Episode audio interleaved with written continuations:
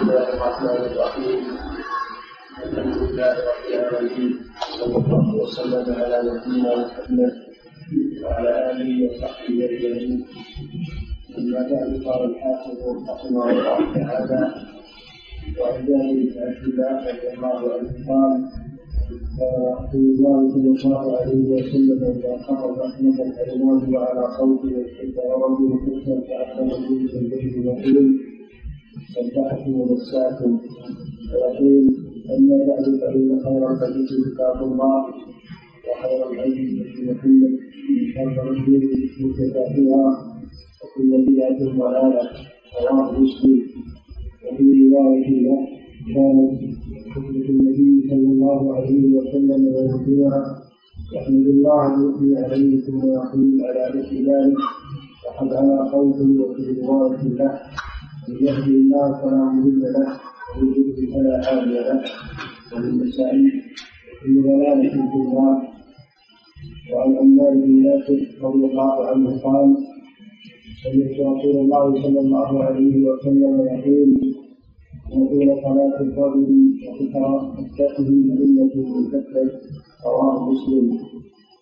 وعن هشام بن حارثة بن النعمان رضي الله عنها قالت ما أخذت قراء القرآن المجيد إلا عن نساء رسول الله صلى الله عليه وسلم يشرها في الجمعة على المنبر إذا خطب الناس رواه مسلم وعن ابن عباس رضي الله تعالى عنهما قال قال رسول الله صلى الله عليه وسلم من تكلم يوم الجمعة والإمام يخطب فهو كمثل الثمار يحيي وأشعارا الذي يقول له ليست ليست جمعة رواه أحمد في إسلام لا بأس به وهو يفسر حديث أبي هريرة الصحيحين مرفوعا إذا قلت لصاحبك يوم الجمعة والإمام يخطب فقد بغوت وعن جابر رضي الله عنه قال دخل رجل يوم الجمعة والنبي صلى الله عليه وسلم يخطب فقال صليت قال لا قال قم فصل ركعتين متفق عليه ابن عباس رضي الله عنهما ان النبي صلى الله عليه وسلم كان يقرا في سوره الجمعه سوره الجمعه وإني حكيم رواه مسلم وروى عن الإمام بن بشير رضي الله عنه قال كان يقرا في ليله الجمعه يسبح اسم ربك الاعلى وأن اتاك حديث غافيه وعن زيد بن رضي الله تعالى عنه قال النبي صلى الله عليه وسلم زيد ثم جوعا وخاف وقال ان شاء يصلي فليصلي رواه الخمسه الا الترمذي وصححه ابن جرير وعن أبي هريرة رضي الله عنه قال قال رسول الله صلى الله عليه وسلم إذا صلى حديث الجمعة فليصلي بعدها أربعة. رواه مسلم. بسم الله الرحمن الرحيم. الحمد لله رب العالمين. صلى الله وسلم على نبينا محمد وعلى آله وصحبه وبعد. ما زال الكلام موصولا على حديث جابر بن عبد الله رضي الله عنه من صفة إلقاء النبي صلى الله عليه وسلم للخطبة وما يقول فيها.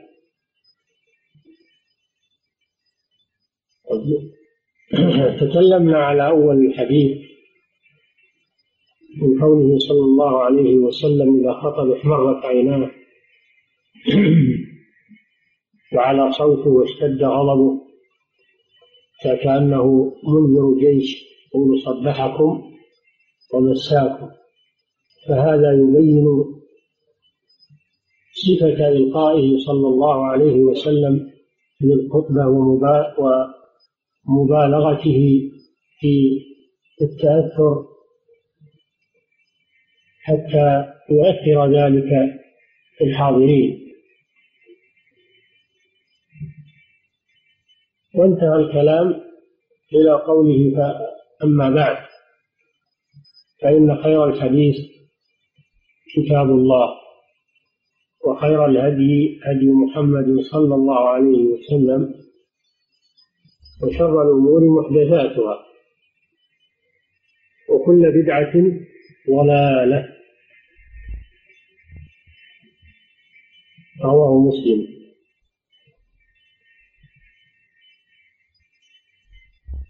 في هذا أنه صلى الله عليه وسلم يقول أما بعد وهي كلمة يؤتى بها للانتقال من من موضوع إلى موضوع آخر أو من انتقال من المقدمة إلى الموضوع.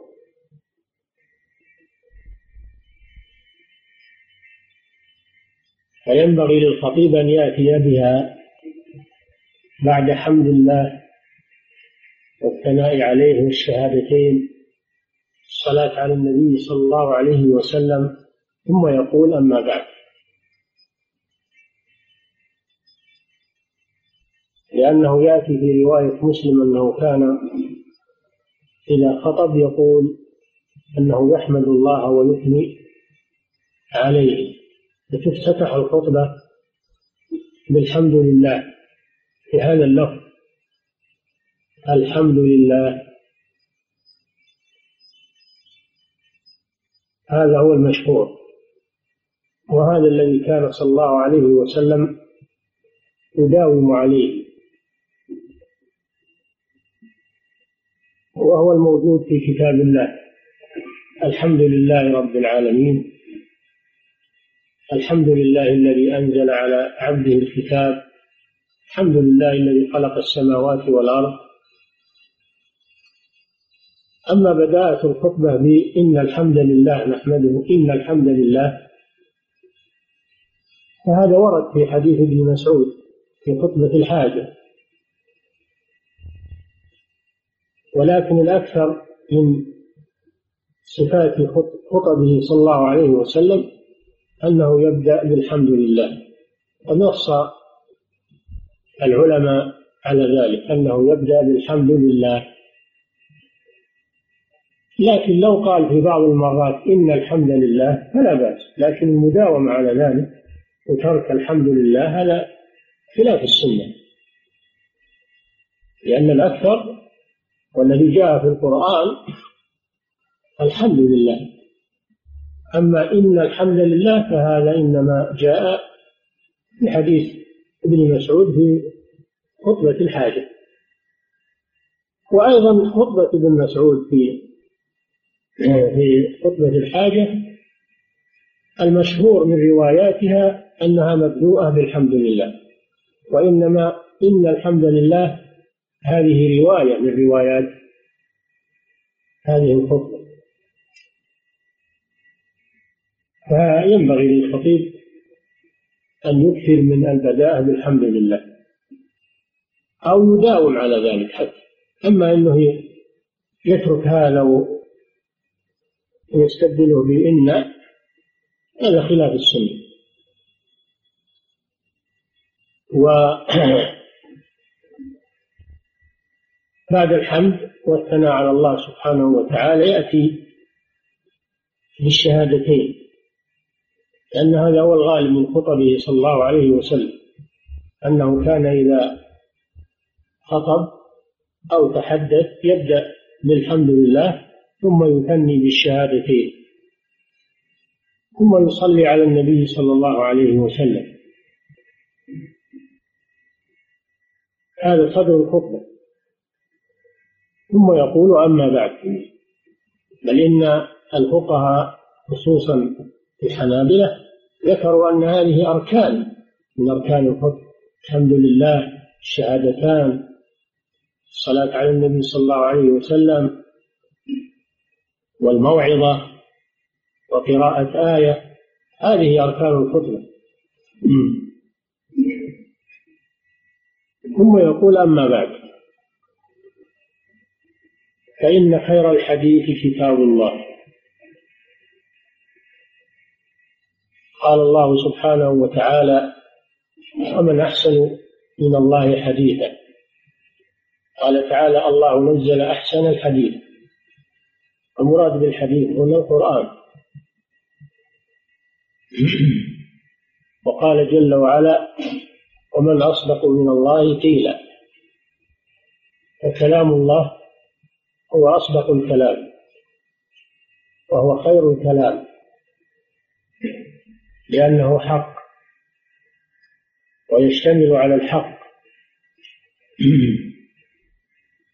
ولا يتطرق إليه خلل ولا نقص ولا تناقض ولا يأتيه الباطل من بين يديه ولا من خلفه. تنزيل من حكيم من حكيم حميد. كتاب فصلت آياته. قرآنا عربيا. كتاب أحكمت آياته ثم فصلت. من لدن حكيم خبير تمت كلمة ربك صدقا وعدلا. صدقا في أخباره عدلا في أحكامه. هذا كلام الله سبحانه وتعالى. وفضله على سائر الكلام كفضل الله جل وعلا على خلقه. فهو خير الحديث. وأصدق وأصدق الحديث. وخير الهدي هدي محمد صلى الله عليه وسلم. الهدي بفتح الهاء وإسكان الدال مراد به الطريق الطريقة والسنة فبعد بعد القرآن هدي الرسول صلى الله عليه وسلم. لأنه كلام من لا ينطق عن الهوى صلى الله عليه وسلم. إن هو إلا وحي يوحى. فهدي محمد صلى الله عليه وسلم طريقته وسنته. ويروى بضم الهاء وفتح الدال خير الهدى وهدى محمد صلى الله عليه وسلم. والمراد بالهدى هنا الدلالة والإرشاد. النبي صلى الله عليه وسلم يهدي بمعنى أنه يدل ويرشد. وإنك لتهدي إلى صراط مستقيم أي تدل وترشد وتبين. أما الهدى الذي هو بمعنى التوفيق لقبول الحق فهذا لا يقدر عليه إلا الله سبحانه وتعالى. إنك لا تهدي من أحببت ولكن الله يهدي من يشاء. ليس عليك هداهم. فالهدى بمعنى التوفيق للقبول والامتثال هذا بيد الله. وأما الهدى بمعنى الدلالة والإرشاد فهذا طريقة النبي صلى الله عليه وسلم وطريقة أتباعه.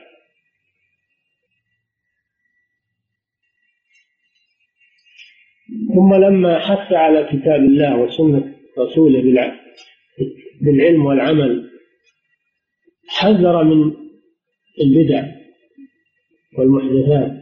فقال صلى الله عليه وسلم وشر الأمور محدثاتها وكل ما أحدث في الدين مما ليس له دليل من كتاب الله وسنة رسوله صلى الله عليه وسلم فإنه من البدع المردودة وهو شر. وإن كان صاحبه يزعم أو يظن أنه خير وإن صلحت نيته وقصده فإن ذلك لا يبرر البدعة البدعة شر. مهما كانت. وإن صلحت نيات أصحابها وقصدوا بها الخير فهي شر. شر الأمور محدثاتها. ثم قال صلى الله عليه وسلم كل بدعة ضلالة. تأكيد. أخبر أن المحدثات هي شر الأمور وأخبر أنها بدع والبدعة المراد بها البدعة المراد بها شرعا ما أحدث في الدين مما ليس منه. قوله صلى الله عليه وسلم من عمل عملا ليس عليه أمرنا فهو رد. وفي رواية من أحدث في أمرنا هذا ما ليس منه فهو رد. يعني مردود عليه لا يقبل. فأخبر صلى الله عليه وسلم أن كل بدعة ضلالة والضلالة ضد الهداية. الضلالة ضد الهداية. فأخبر أن البدع شر الأمور وأنها ضلالة. وسيأتي في رواية النسائي وكل ضلالة في النار يعني صاحبه. كل ضلالة في النار يعني صاحب كل ضلالة في النار. كل هذا تحذير من البدع. وبيان في رواية النسائي كل ضلالة في النار بيان لمآل المبتدعة وأنهم يصيرون إلى النار. وإن كانوا يريدون الجنة ويقصدون الجنة بعملهم لكن لما كان على غير شرع الله آل بهم إلى النار والعياذ بالله. فهذا فيه التحذير من البدع. والمحدثات. وفيه الحث على لزوم الكتاب والسنة. كما قال صلى الله عليه وسلم عليكم بسنتي.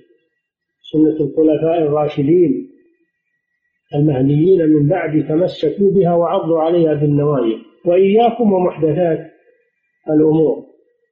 هذا تحذير. فإن كل محدثة بدعة وكل بدعة ضلالة.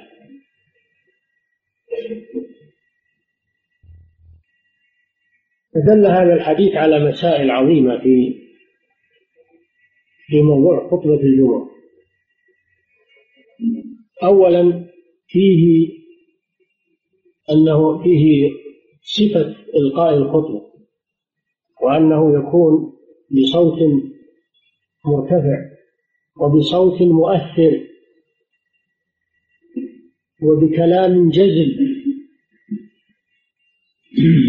لا يكون بكلام هادي أو كلام يعني عادي وإنما يكون بكلام قوي جزل مؤثر يلفت انتباه الناس. وفيه أنه ينبغي للخطيب أن يتأثر حتى يؤثر في الناس. لأن النبي صلى الله عليه وسلم كانت تحمر عيناه ويشتد غضبه. فينبغي للخطيب أن يتأثر حتى يظهر ذلك عليه أمام الناس حتى يتأثروا لأن الأمر مهم جدا. الأمر مقام إنذار. مقام إنذار وتخويف وتحذير.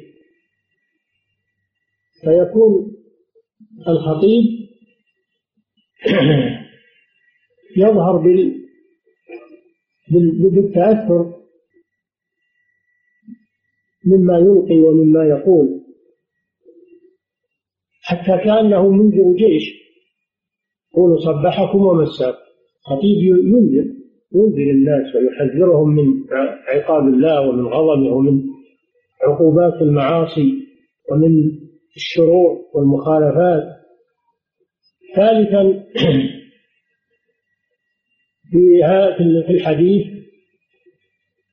أنه يجب بداءة الخطبة بالحمد لله والثناء على الله سبحانه وتعالى وكذلك بالشهادتين لأن هذه عادته صلى الله عليه وسلم وبالصلاة على النبي صلى الله عليه وسلم ثم ينتقل إلى الموضوع الذي يريد أن يتحدث عنه فيقول أما بعد.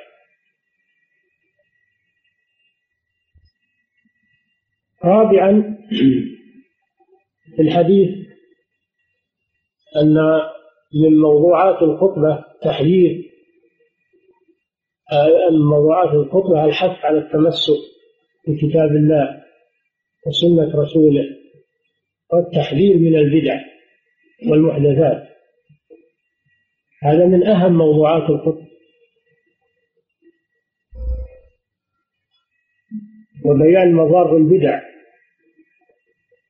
وأنها تؤول بأصحابها إلى النار تؤول بهم أولا إلى الضلال ثم تؤول بهم في النهاية إلى النار. كل بدعة ضلالة كل ضلالة في النار. الخامس في هذا الحديث أن أن البدع كلها ضلالة وليس فيها شيء حسن. وفي ذلك رد على من قسم البدعة إلى بدعة حسنة وبدعة سيئة. وأن هذا التقسيم باطل. يعارض قول الرسول صلى الله عليه وسلم كل بدعة ضلالة وكل ضلالة في النار. فليس في البدع شيء حسن. وإن قاله من قاله من أهل العلم. العبرة بقول الرسول صلى الله عليه وسلم. أن البدع كلها شر كل بدعة ضلالة وكل ضلالة في النار. وأنها شر الأمور فلا خير فيها بوجه من الوجوه بل العاصي الذي يعصي الله وهو يعلم أنه عاصي أحسن حال من المبتدع لأن لأن العاصي يعلم أن فعله معصية. ويتوقع منه التوبة. ويأتي ما يأتي وهو على حياة. أما المبتدع فإنه يرى أنه على حق ويأتي ما يأتي ويجاهد. لذلك يرى أنه على حق فيبعد منه أن يتوب لأنه ما يعترف بالخطأ. فالمبتدع شر من العاصي والبدعة أحب إلى الشيطان من المعصية. فليس شأن البدع بالشيء, الهين. ولا يتساهل بشأنها. وإن حسنت نيات أصحابها وقصدوا بها الخير فهي شر. نعم.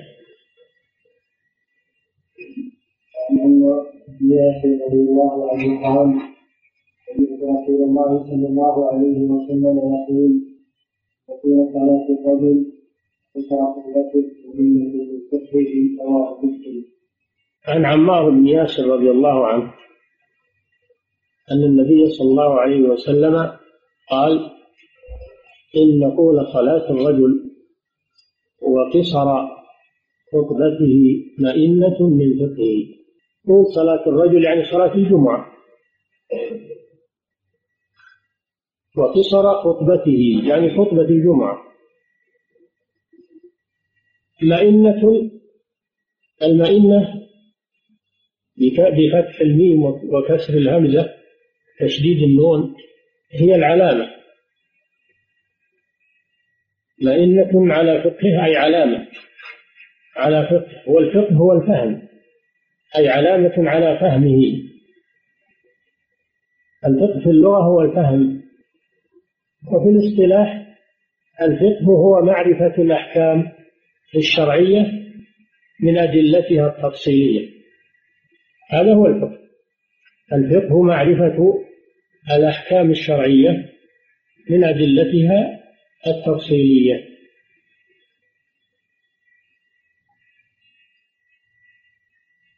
وقوله صلى الله عليه وسلم إن طول صلاة الرجل أي صلاة الجمعة. المراد بالطول هنا الطول الذي لا يشق على المأمومين. طول النسبي لأنه صلى الله عليه وسلم قال من أيكم أما الناس فليخفف وكان ينهى عن تطويل الذي يشق على الناس. المراد هنا الطول النسبي.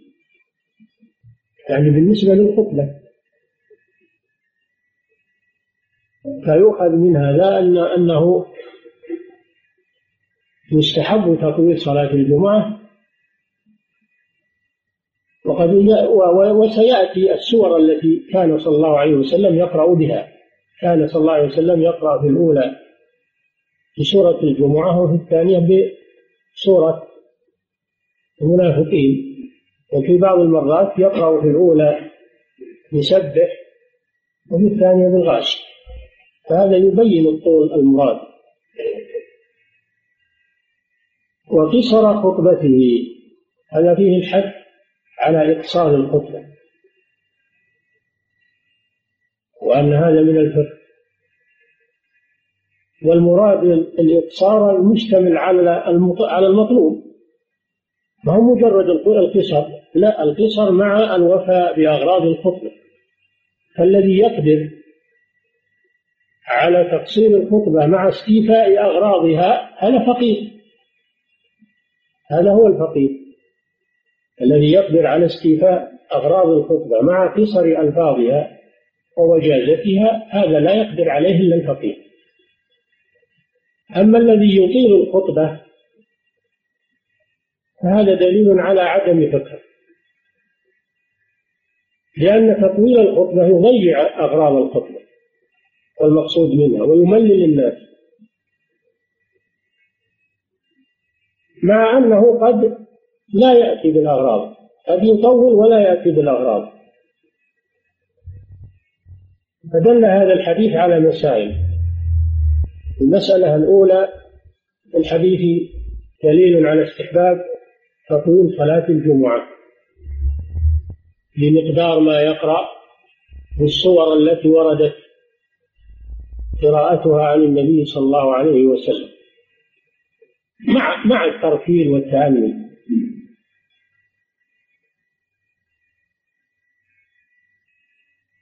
ثانيا في الحديث دليل على مشروعية أو استحباب تقصير الخطبة التقصير الذي لا يخل بأغراض الخطبة بل يكون مستوفيا لها. وذلك لا يكون إلا بالاهتمام في الإعداد في إعداد الخطبة قبل الحضور واختيار الألفاظ المناسبة لها. أما ما يفعله بعض الناس من أنه يأتي وهو ما استعد للخطبة بان على قوته وعلى أنه خطيب وعلى ثم يأتي وحتى الموضوع ما اختار موضوع بعضهم فيرقى المنبر ثم يتكلم بما شاء. ويدور ويلف ويروح ويبعد وهو ما توصل للغرض المطلوب لأنه ما أعد من قبل ولا استحضر الشيء من قبل ولا تأهب. هذا ليس هذا ليس هو الخطيب. هذا لا يكون خطيبا.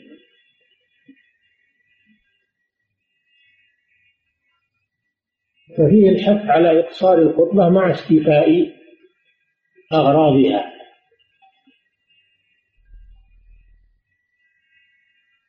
رابعا أو ثالثا في الحديث من مفهوم الحديث يفهم من الحديث كراهية تقصير صلاة الجمعة وتطويل الخطبة. وأن ذلك خلاف السنة. تطويل الخطبة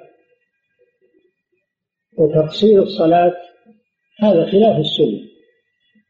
وهذا يدل على الجهل. يدل على الجهل.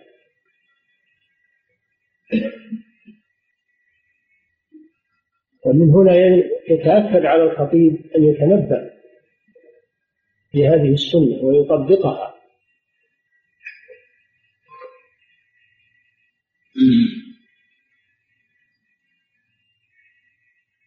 ولكن كثير من الناس الآن على هذا المنهج وهو أنهم يخطبون الوقت الطويل حتى يبلغ بعضهم ساعة أو أكثر في خطب.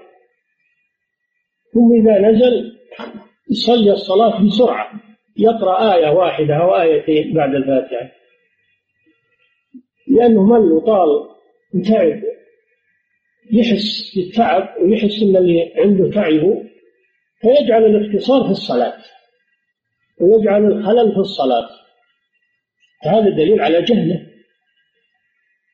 حيث أطال ما السنة تقصيره؟ وقصر ما السنة تطويله؟ هذا يدل على جهله. تجده يخطب ساعة أو أكثر. وليته بعد جاب الغرض المطلوب. يخطب ساعة ولا جاب شيء. إلا ما حكي فقط فجع الرؤوس وأتعب الناس ولا جاب لهم شيء. ولا جاب لهم كلام جرايد كلام صحف. مو هذا هو الخطيب. الخطبة ليست كثرة الكلام الخطبة كما سمعتم وصافا ما هي مجرد كلام وكثرة كلام الخطبة كلام منتقى منقح مؤثر مفيد. هذه الخطبة. التي إذا خرج الناس إذا هم قد استفادوا. أما الخطبة التي إذا خرج الناس وإذا هم تعبان قد تعبوا وسائبوا ولا يعلمون شيء يفرحون بالخلاص. لأنه حبسهم هذه ليست هي الخطبة وهذا ليس هو الفقيه. فينبغي التنبه لهذا الأمر. هذه قاعدة. إن قصر إن طول صلاة الرجل وقصر خطبته مئنة من فقهه. يدل على أن من عكس أنه ليس بفقيه أنه جاهل. فإذا كان جاهلا فلا يصلح أن يكون إماما في الجمعة. نعم. وعن ابن هشام بن حارثة بن لبنان رضي الله عنها قالت ما أخذت القرآن المجيد إلا عند لسان رسول الله صلى الله عليه وسلم يقرأها كل بدعة عن المنبر إذا قضى الناس رواه مسلم. عن أم هشام بنت حارثة بن النعمان الأنصارية رضي الله عنها قالت ما أقلت قاف والقرآن المجيد إلا من لسان رسول الله صلى الله عليه وسلم. كان يقرأها كل جمعة على المنبر. هذا الحديث فيه حرص الصحابة رضي الله عنهم على حفظ ما يقوله الرسول صلى الله عليه وسلم والعناية به.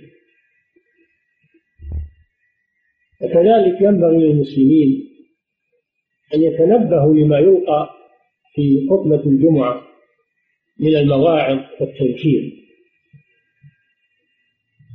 هذه فائدة الخطبة وفائدة الحضور والاستماع أن أن الإنسان يحفظ ما يقال ويعمل به لأن هذا وسيلة للعمل به. أما إذا لم يحفظه فإنه كيف يعمل بشيء لم يحفظه؟ وقد وصف الله المنافقين بأنهم يحضرون مع الناس في خطبة الجمعة والرسول يخطب وهو أبلغ البشر عليه الصلاة والسلام وأفصح البشر وأنصح البشر وأعلم البشر يخطب والمنافقون حاضرون مع المسلمين. فإذا خرجوا ومنهم من يستمع إليه. حتى إذا خرجوا من عنده قالوا للذين أوتوا العلم ماذا قال آنفا؟ يسألون ابن مسعود رضي الله عنه ماذا قال الرسول؟ هم حاضرين وابن مسعود حاضر. ابن مسعود يحفظ وهم ما يحفظون. يسألون إذا خرجوا وش قال الرسول في فهذا دليل على أن عدم العناية بالخطبة واستماعها. أن هذا من صفات المنافقين. هم الذين يحضرون ولا يسمعون ولا. يسمعون الكلام لكن ما ما يحفظون منه شيء ولا يعلق بأذانهم شيء. ومنهم من يستمع إليه يستمعون. حتى إذا خرجوا من عندك قالوا للذين أوتوا العلم يسألون ابن مسعود رضي الله عنه ماذا قال يعني الرسول صلى الله عليه وسلم؟ ماذا قال آنفا؟ أولئك الذين طبع الله على قلوبهم واتبعوا أهواءهم. هذه صفة ذم والعياذ بالله. الذين يحضرون ولا يستمعون ولا ي... ولا يلقون بالا لما يقوله الخطيب. ويحفظونه ويعملون به. هذه صفات المنافقين. فأم أم هشام رضي الله عنها كانت ممن يهتمون بخطبة النبي صلى الله عليه وسلم. حتى إنها حفظت السورة كاملة من لسان رسول الله صلى الله عليه وسلم وأنه كان يقرأها على المنبر كل جمعة. قال العلماء معنى يقرأها كل جمعة ليس معناه أنه يقرأ السورة من أولها إلى آخرها وإنما يقرأ منها آيات وفي الجمعة الثانية يقرأ آيات منها وفي الثالثة كذا حتى يكملها. فكانت أم هشام كانت تتتبع تتتبع قراءة النبي صلى الله عليه وسلم حتى حفظت السورة بكاملها من عدة خطب لا من خطبة واحدة. فهذا فيه اهتمام الصحابة بخطبة النبي صلى الله عليه وسلم وحفظهم لما يقوله. ثانيا في الحديث مشروعية قراءة شيء من القرآن في الخطبة. وهذا يقول الفقهاء من أركان الخطبة. أن يقرأ فيها شيئا من القرآن يتناسب مع الموضوع الذي خطب فيه. لأن القرآن هو أبلغ الكلام وأفصح الكلام. فيختار الإمام إما سورة قصيرة وإما آيات أو آية واحدة. فيها تحريك للقلوب وفيها موعظة وتتناسب مع الموضوع الذي خطب به. أما إذا خلت الخطبة من قراءة شيء من القرآن فإنها تكون ناقصة. بل يرى بعض العلماء أنها غير مجزئة لأنها فقدت شرط فقدت ركنا من أركانها.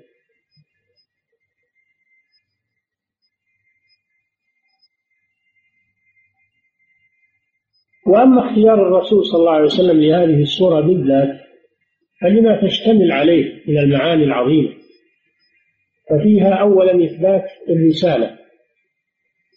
إثبات الرسالة رسالة الرسول صلى الله عليه وسلم بل عجبوا أن جاءهم منذر منهم. قال الكافرون هذا شيء عجيب. وفيها إثبات البعث أي إذا متنا وكنا ترابا ذلك رجع بعيد قد علمنا ما تنقص الأرض منهم وعندنا كتاب حفيظ. فيها إثبات البعث وأن الله يعيد هذه الأجسام بعدما تتفتت وتتحلل في التربة يعيدها كما كانت وفيها التذكير بالموت وجاءت سكرة الموت. وفيها التذكير بالحفظة الذين يحصون على الإنسان أعماله ما يلفظ من قول إلا لديه رقيب عتيد. فيها التذكير بأن الإنسان عليه حفظة يحصون ما يقول ويكتبونه عليه. وفيها التذكير بالجنة والنار ألقي في جهنم كل كفار عنيد. وأزلفت الجنة للمتقين غير بعيد. وفيها التذكير بقيام الساعة. والتذكير بقيام الساعة. فاستمع يوم ينادي المنادي من مكان قريب يوم يسمعون الصيحة بالحق. ذلك يوم الخروج. تذكير بقيام الساعة وبعث الموتى من القبور. يوم تشقق الأرض عنهم سراعا ذلك حشر علينا يسير.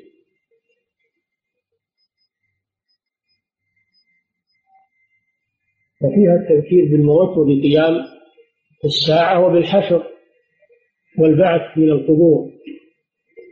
وفيها الحث على صلاة الفجر وصلاة العصر. فسبح بحمد ربك قبل طلوع الشمس هذه صلاة الفجر. وقبل الغروب هذه صلاة العصر. حتى على هاتين الصلاتين لزيادة فضلهما.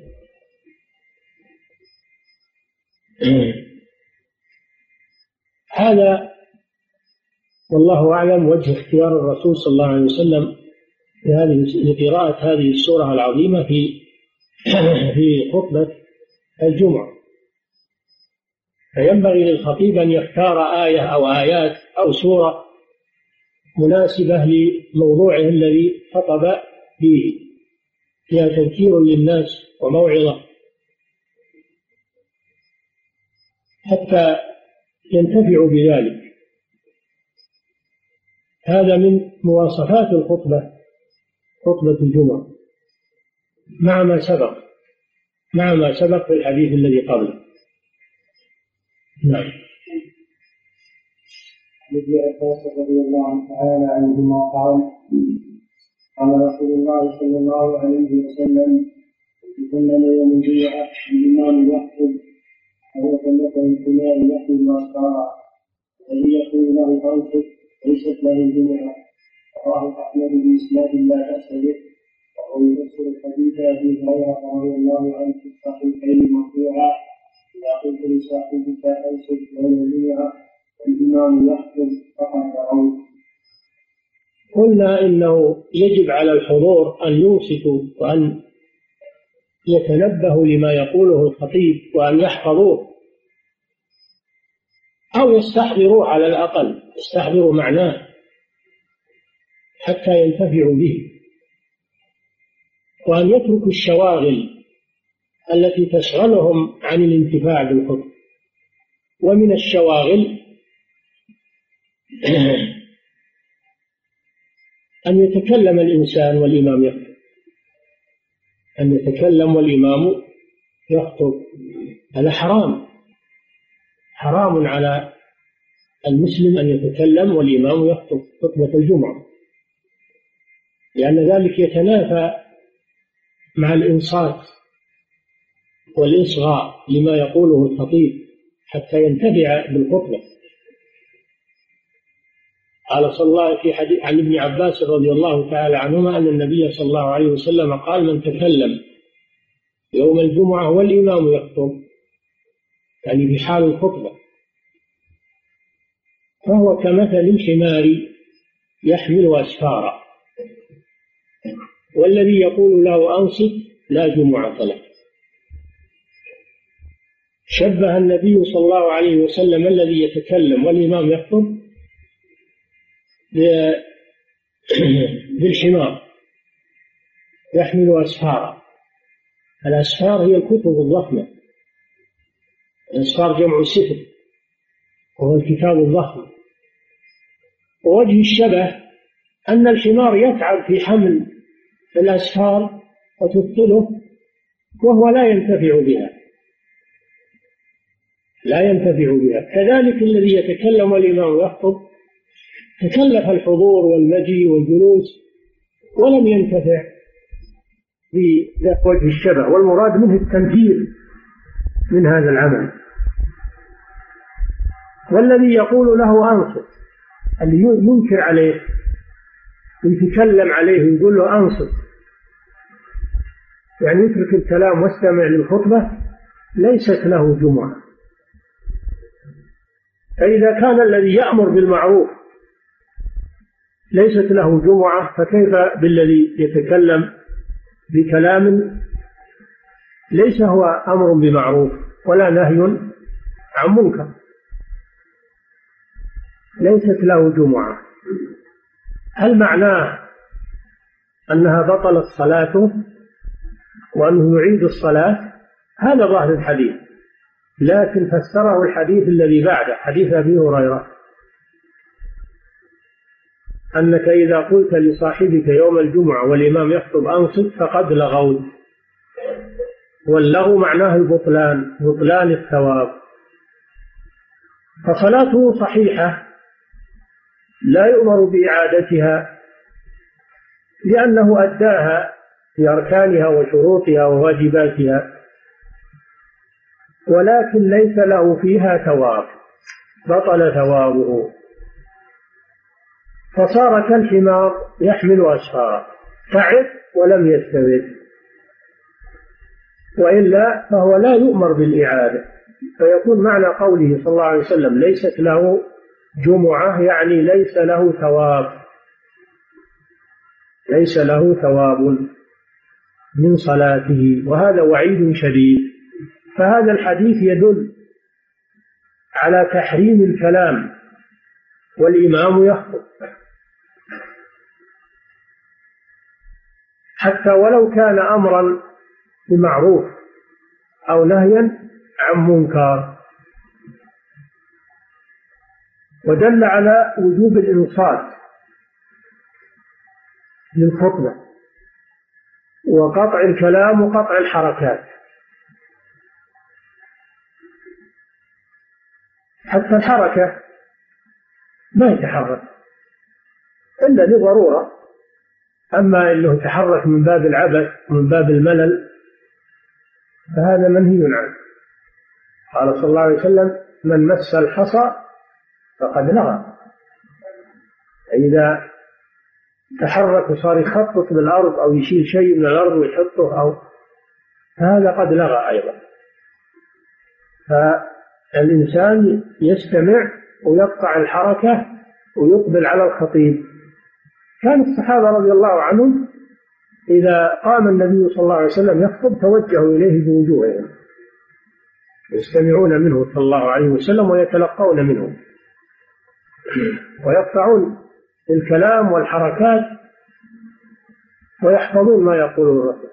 ولذلك تجدون الصحابة حفظوا كثير على الرسول صلى الله عليه وسلم. حفظوا كثير لأنهم يقبلون عليه بقلوب راغبة متلهفة للخير كانوا يحفظون ما يسمعون من الرسول صلى الله عليه وسلم.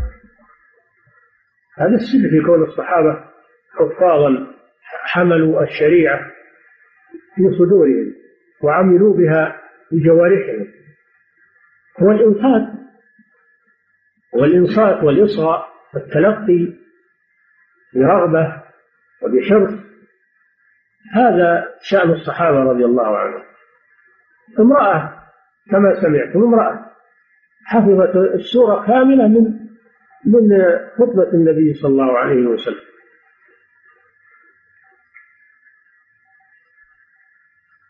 فهذا الحديث يدل على وجوب الإنصات في خطبة الجمعة. والإنصات معناه الإنصات معناه الاستماع والإصغاء. الاستماع والإصغاء وقطع الحركة. وفيه تحريم الكلام والإمام يخطب. حتى ولو كان أمرا بالمعروف أو نهيا عن المنكر. وإذا دخل الداخل فلا يسلم. وإذا سلم لا يردون عليه. هو لا يسلم. وهم لو سلم لأنه جاهل فإنهم لا يردون عليه السلام. لأن المقام مقام إنصات نعم. نعم. ولا يستاك. ولا يستاك لأن السواك حركة وشغل. نعم. يروح يدور المسواك المخابير ولا. نعم هو في حركة. نعم. عن جابر رضي الله عنه قال دخل رجل يوم الجمعة النبي صلى الله عليه وسلم يخطب. فقال صليت. قال لا. قال قم فصل ركعتين. متفق عليه. دخل رجل والنبي صلى الله عليه وسلم يخطب يوم الجمعة. فجلس. فقال له النبي صلى الله عليه وسلم صليت؟ قال لا. قال قم صل ركعتين. وهذا الرجل هو سليك الغطفاني.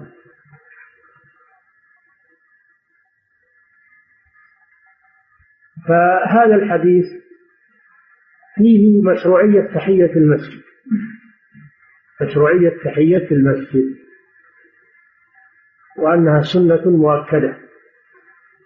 حتى لو جلس الإنسان فإنه يقوم ويأتي بها.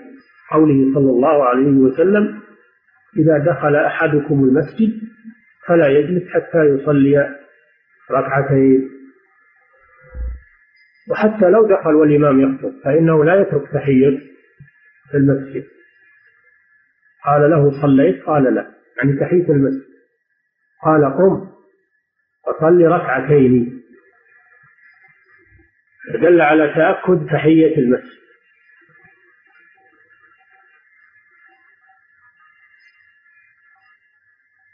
وفي الحديث دليل على جواز تكليم الإمام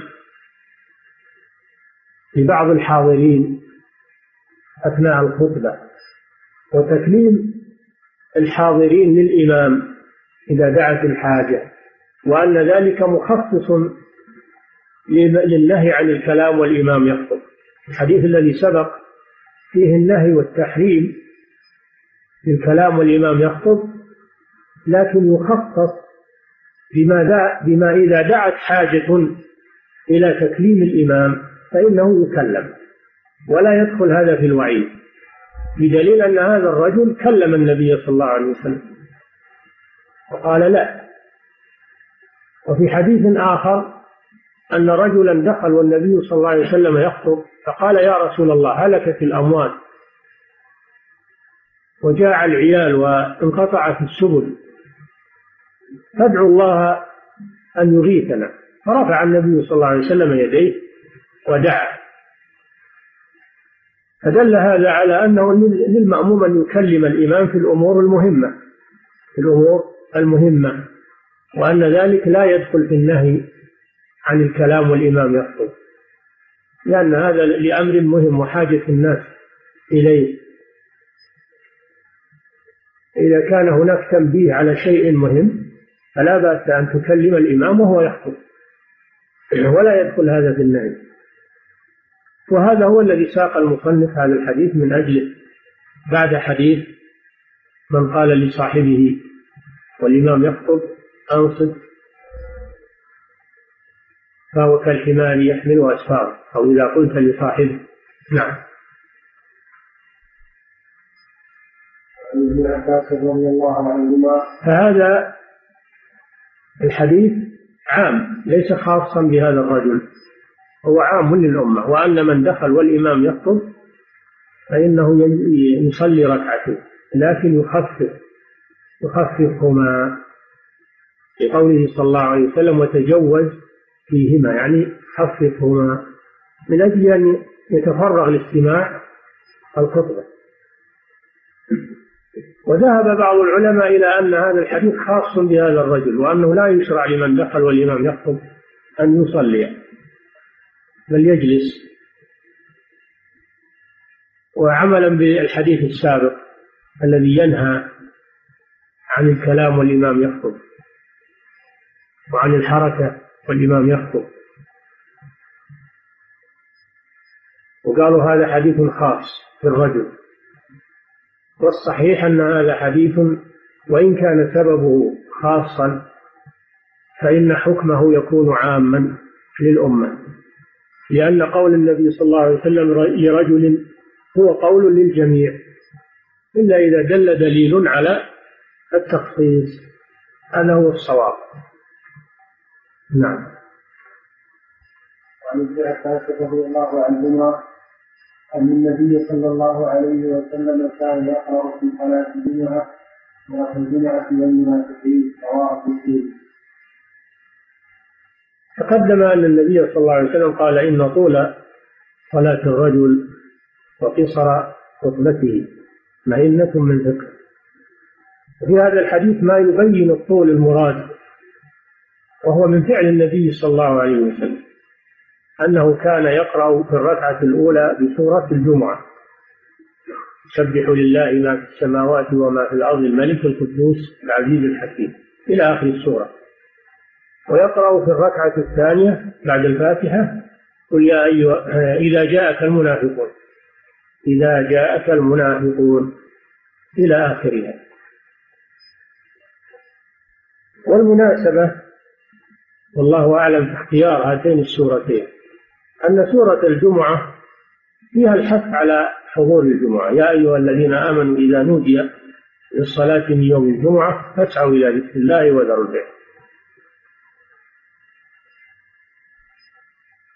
وفيها تذكير فيها التذكير بالموت. وإن الموت الذي تفرون منه إنه ملاقيكم. وفيها بيان الحكمة من بعثة الرسول صلى الله عليه وسلم والذي بعث في الأميين رسولا منهم يتلو عليهم آياته ويزكيهم ويعلمهم الكتاب والحكمة. فبين صلى الله عليه وسلم الحكمة من بعثة الرسول صلى الله عليه وسلم. وأما سورة المنافقون فلأن المنافقين يحضرون في صلاة الجمعة. فناسب أن تقرأ هذه السورة من أجل تذكيرهم لعلهم يتوبون. وفيها التحذير من النفاق تحذير المؤمنين من النفاق وبيان خطره وفي آخرها النهي عن الاشتغال بالأموال والأولاد. عن ذكر الله عز وجل. يا أيها الذين آمنوا لا تلهكم أموالكم ولا أولادكم عن ذكر الله. فهو يقرأ صلى الله عليه وسلم بهاتين السورتين لما تشتملان عليه من المعاني العظيمة المناسب قراءتها على هذا الجمع العظيم حتى ينتفعوا بمضمونهم. هذا هذا في بعض الأحيان وفي بعض الأحيان كان صلى الله عليه وسلم يقرأ في الأولى بسبح اسم ربك في الأعلى وفي الثانية بسورة الغاشية. لما تشتملان عليه من المعاني العظيمة من الوعظ والتذكير والجاء وذكر الجنة والنار ففيهما أيضا معان عظيمة في هاتين السورتين. فينبغي للإمام أن يكثر من قراءة هاتين السورتين مرة بالجمعة والمنافقون ومرة بسبح والغاشية وإن قرأ بغيرهما بعض الأحيان فلا بأس لكن يطيل القراءة يطيل القراءة بمقدار هاتين السورتين. أما أنه يقرأ آية أو آيتين فقط فهذا لا يكفي يعني لا يكفي في السنة وإلا هو يجزي في الصلاة لكن لا يكون موافقا للسنة. قول الرسول صلى الله عليه وسلم إن طول صلاة الرجل. تقصير الصلاة وتقصير صلاة الجمعة هذا خلاف السنة. وإن كانت الصلاة تصح وتجزي. نعم. وله عن النعمان بن بشير رضي الله عنه قال كان يقرأ في الليل في الجمعة يسبح اسم ربك الأعلى وأنا فاتحة كان كان يقرأ في الليل وفي الجمعة نعم. نعم. يسبح اسم ربك الأعلى وأنا فاتحة الغافية هذا الحديث فيه وفي الذي قبله أنه صلى الله عليه وسلم كان يقرأ مرة بالجمعة والمنافقون ومرة بسبح والغاشية. هذا في الجمعة. وأنه كان يجهر في صلاة الجمعة. وإن كانت في النهار فهي جهرية. صلاة الجمعة جهرية لحضور الجمع الكثير وحاجتهم إلى سماعهم القرآن. فلذلك صارت صلاة الجمعة جهرية. صلاة العيد أيضا جهرية. لأجل حضور الجمع الكبير وحاجتهم إلى سماع القرآن. وتارة يقرأ في العيدين بقاف الأولى واقتربت الساعة في الركعة الثانية. هذا في العيدين. مرة يقرأ في العيدين بسبح والغاشية ومرة بقاف واقتربت الساعة وانشق القمر. نعم. وعن زيد بن أرقم رضي الله تعالى عنه قال قال النبي صلى الله عليه وسلم عيد ثم رقص في الجمعة ثم قال من شاء أن يصلي فليصلي رواه الخمسه الا الترمذي وصححه ابن خزيمه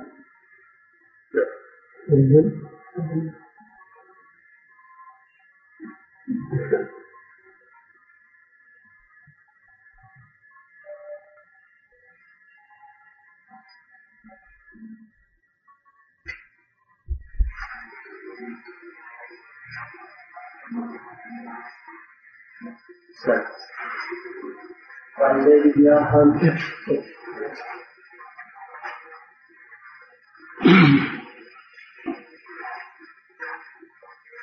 فضيلة الشيخ إذا أخطأ خطيب في الجمعة في حديث أو آية هل يرد عليه؟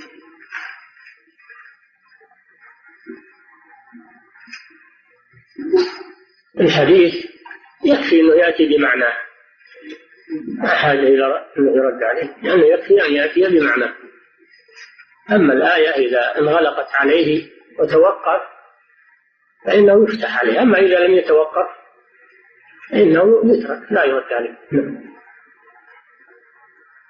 فضيلة الشيخ ما الحكم إذا جلس الخطيب مع الناس إلى وقت الخطبة أو يحصل على أجل التذكير؟ السنة أن الخطيب يأتي وقت الخطبة فقط ولا يجلس في المسجد مع الناس هذه هي السنة ولو جلس معه.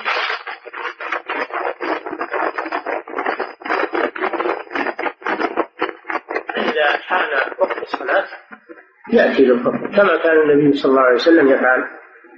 نعم. فضيلة الشيخ في بعض المساجد إذا لم يحضر الخطيب لأي علم فإنه يقوم أحد الإخوة ويصعد المنبر ويذكر حديثا معطية ويقرأ سورة كاملة يفصل بينها في جلسة ثم يدخلها ثم يدعو وينزل. فهل هذا صحيح؟ لا. ما هو خطبة. قراءة سورة قاف فقط. لا يسمى هذه تلاوة. لا تسمى خطبة. نعم. فضيلة الشيخ الحمد والشهادتان والصلاة على النبي صلى الله عليه وسلم؟ قراءة آية والموعظة والموعظة. هي أركان الخطبة لا تجزي الخطبة بغيرها. نعم ذكر الفقهاء أن هذه هي أركان الخطبة. الحمد الشهادتان الصلاة على النبي صلى الله عليه وسلم والموعظة بما يحرك القلوب وقراءة آية هذه أركان الخطبة. نعم. فضيلة الشيخ اعتياد ختم الخطبة بقول إن الله يأمر بالعدل والإحسان الآية أليس من البدع؟ لا قراءة القرآن من البدع. النبي صلى الله عليه وسلم كان يقرأ القرآن في الخطبة. كيف نقول إنه من البدع؟ وهذه الآية هاتان الآيتان فيهما معان عظيمة. وما زال المسلمون يقرؤونهما في الخطبة الأخيرة لما فيهما من المعاني العظيمة. ويقال إن أول من من قرأهما هو عمر بن عبد العزيز رحمه الله. على كل حال يقول أن هذا بدعة هذه مبالغة قراءة القرآن عرفنا أن أنها سنة وأن النبي صلى الله عليه وسلم كان يقرأ بطاف أو بعض طاف وفي الآية وفي وفي حديث آخر كان يقرأ القرآن ويذكر الناس. هذه ليست بدعة هذه سنة. نعم. ختمة أو أو بسط الآية ما ما في مانع إن شاء الله. لا مانع من ذلك. أحسن من ختمة بشيء ما للناس من فائدة. مثل أقول ما تسمعون وما أدري شلون. وش استفادوا الناس قلت أقول ما تسمعون؟ هم يسمعون. اتباع ما عليه السلف وعليه أهل العلم هذا هو الأولى والأحسن. نعم.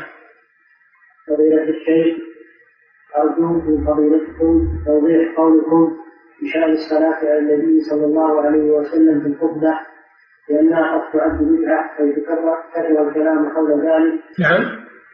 أرجو توضيح قول فضيلتكم في الخطبة. وضحنا هذا وقلنا اللي يختم الخطبة يختمها. بدلا يقول أن يقرأ الآية إن الله يأمر بالعدل والإحسان يجعل بدالها الصلاة على النبي ويختمها بذلك هذا ليس له أصل. الصلاة على النبي صلى الله عليه وسلم في أثناء الخطبة في وسط الخطبة بعد الشهادتين. وإذا إذا قال إن الله وملائكته يصلون على النبي يا أيها الذين آمنوا صلوا عليه وسلموا تسليما شيء طيب. وهذا متبع. ولكن إنه يحدث شيء في آخر الخطبة وختام للخطبة الصلاة على النبي هذا ما كان معروفا في خطب أهل العلم. هاتوا لي اي أي ديوان خطب من خطب أهل العلم. ما فيها ولا واحد مختوم بالصلاة وإنما مختوم بالآيات. هذا قصدنا. نعم. الأمر بالصلاة نعم. أمر الخطيب الصلاة على النبي صلى الله عليه وسلم ما في مانع في أثناء الخطبة ما في مانع. الله أمر بذلك. يا أيها الذين آمنوا صلوا عليه وسلموا تسليما. ما في معنى في أثناء الخطبة. نعم. فضيلة الشيخ ما رأيكم؟ أن الصحابة أكثرهم عامة. أصلا هذا ما يعرف الصحابة ولا يدري هذا لا يعرف الصحابة يريد يقلل من شأنهم. هذا قصده. نعم. لا بعضهم يقول الصحابة رجال ونحن رجال. وصلت لهم الحال إلى هذا الكلام. نعم. وأنا أظن أن هذه الفكرة مندرجة من الشيعة. الشيعة يدسون على المسلمين بغض الصحابة وتقليل من شأنهم. أظن هذه الفكرة مندسة من الشيعة. نعم.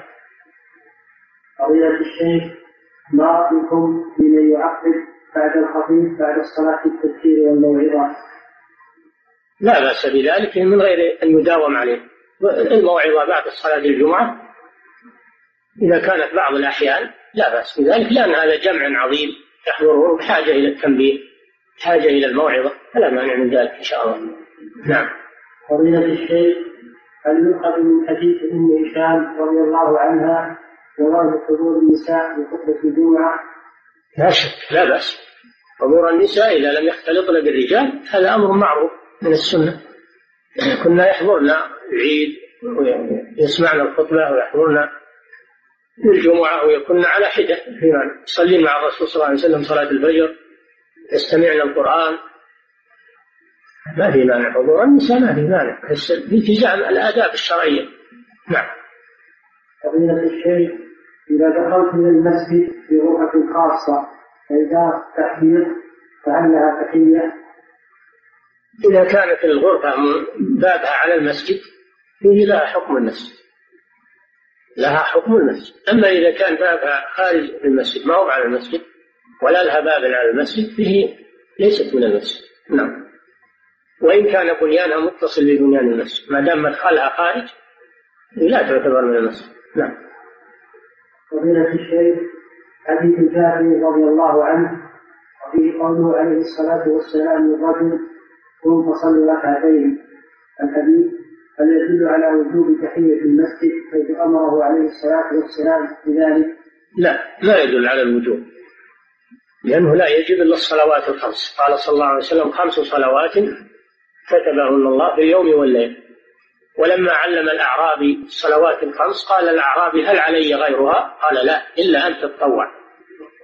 فدل على أن ما عدا الصلوات الخمس فهو سنة. نعم. فضيلة الشيخ ما حكم تخصيص الخطبة الثانية بالدعاء؟ شيء طيب لا بأس والدعاء هذا من سنن الخطبة من سنن الخطبة الدعاء لولي الأمر والدعاء للمسلمين لأن الناس بحاجة إلى الدعاء نعم فضيلة الشيخ إذا دخل وقت النهي فهل يصلي أو يجلس؟ هذا خلاف بين العلماء مر بكم في في درس مضى. العلماء اختلفوا في تحية المسجد وقت النهي. هل تصلى؟ لأنها من ذوات الأسباب. أو لا تصلى؟ لأن الرسول صلى الله عليه وسلم نهى عن الصلاة صلوات النوافل في هذه الأوقات. على قولين. نعم.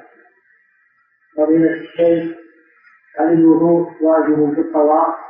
بحيث لو انتقد الوضوء أثناء الطواف يعيد الوضوء؟ نعم اشترط لصحة الطواف الطهارة كطهارة الصلاة.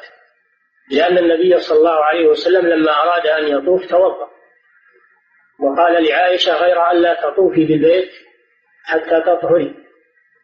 فدل على أن الطهارة من الحدث الأكبر والأصغر شرط من شروط الطواف. نعم. فضيلة الشيخ هل يجوز للمرأة الطواف وهي حائض؟ على القول بأن الطواف لا يلزم له طهارة؟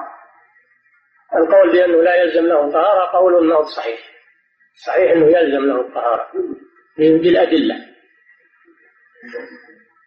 فلا تطوف الحائض. كيف تطوف الحائض؟ والنبي صلى الله عليه وسلم يقول غير أن لا تطوفي بالبيت حتى تطهري. هذا هو الدليل الصحيح. نعم. فضيلة الشيخ نأمل التعليق على من يمتهن كتاب الله عز وجل بكتابة بعض الأسماء الساقطة وقد شاهدت مصحفا مكتوبا عليه بعض الدعايات الساقطة ودعاية ال MBC وكلمة أمريكا وكلمات لا تليق بكتاب الله تعالى. لا يجوز امتهان كلام الله وكتابة أسماء عليه إلا حتى اسم صاحبه اسم صاحب المصحف. الأحسن أنه ما يكتب. لكن إذا كتب اسمه خشية أن المصحف يؤخذ أو أنه أجل ينبه أن هذا المصحف خاص به للحاجة لا بأس. أما كتابة أسماء من باب العبث المصحف يصان عن ذلك. حتى إن الصحابة والسلف كرهوا كتابة الأعشار وأسماء السور. قالوا ما تكتب يجرد القرآن ما يكتب فيه تعشير ولا أسماء سور ولا شيء. ولا يجرد القرآن فقط. لكن كثير من العلماء يقول ان الحاجة تدعو إلى التعشير وإلى كتابة أسماء السور الحاجة تدعو إلى هذا فلا بأس. أما كتابة أشياء من باب العبث هذا لا يجوز. وإذا قصد الامتهان فإن هذا رده عن الإسلام. إذا قصد انه يكتب على المصحف أسماء فيها إهانة للقرآن فهذا يعتبر ردة عن الإسلام. أما إذا لم يقصد وإنما هو من باب العبث هذا يعتبر مكروها أو محرما. نعم. فضيلة الشيخ أرجو من سماحتكم إيضاحكم من جعل ثوبه فينا أو على الكعب بحيث هو في ظنه أنه فوق الكعب ويراه الناس أنه أسفل الكعب فما رأيكم في ذلك؟ ينبه إذا كان أسفل الكعب ينبه ويرفع آخر حد الكعب. نعم فضيلة الشيخ معلوم أن صلاة الكسوف ركوعان في ركعة واحدة رأيت أنني أدركت مع الإمام الركوع الثاني من الركعة الأولى فهل علي قضاء الركوع الأول من الركعة الأولى بعد سلام الإمام؟ إي نعم إذا فاتتك الركعة الأولى إذا فاتك الركوع الأول فاتتك الركعة الأولى فإذا سلم الإمام تقوم وتأتي بركعة يعني أنت مسبوق لأن الركعة الثانية هذه ليست ركنا من أركانها وإنما هي سنة. نعم. فضيلة الشيخ إذا سافر الشخص إلى إلى عدة مدن من نزع ونوى الإقامة فيها جميعا عشرة أيام لكنه أقام في كل مدينة أقل من أربعة أيام فهل له القصر في كل مدينة؟ أم يجب عليه الإسلام لأنه نوى فيها جميعا أكثر من أربعة أيام؟ لا له القصر. إنما يجب عليه الإتمام إذا نوى إقامة أكثر من أربعة أيام في بلد واحد. أما إذا نوى إقامات متعددة في بلدان متعددة كل بلد له حكم. له أن يقصر. نعم.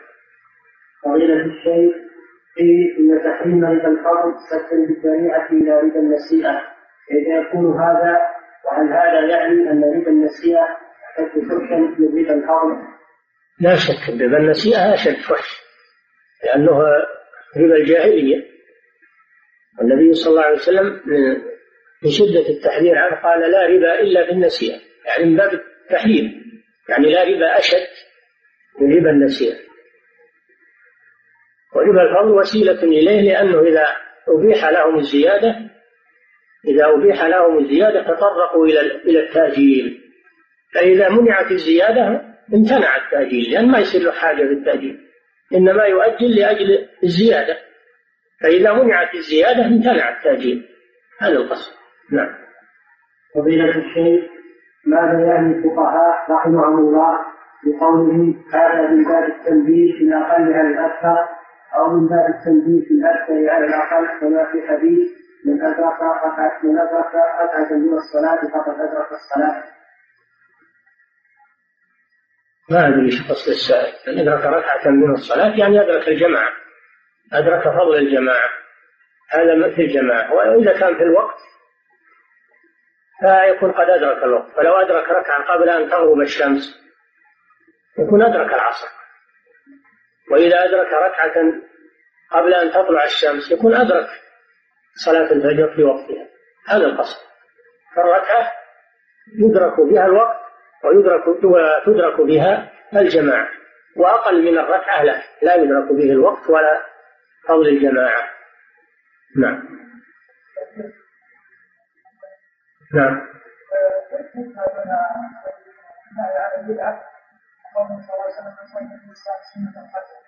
سنة. السنة غير البدعة. السنة غير البدعة. من أظهر سنة يعني تركها الناس ونسيوها نسوها جاء واحد وأحياها فيكون سنة في الإسلام سنة حسنة. يعني أحيا سنة أحيا سنة قد تركت أو نسيت هذا القصد. أحيا أي نعم. لما يجوز الإنسان يحدث شيء يقول هذا السنة لا. لكن معناه أحيا سنة بدليل أن سبب الحديث هذا الرسول صلى الله عليه وسلم حث على الصدقة. لأناس محتاجين. فجاء رجل معه بصرة من النقود كادت يده أن تعجز عنها من كثرتها. فلما رآه الناس تتابعوا بالصدقة.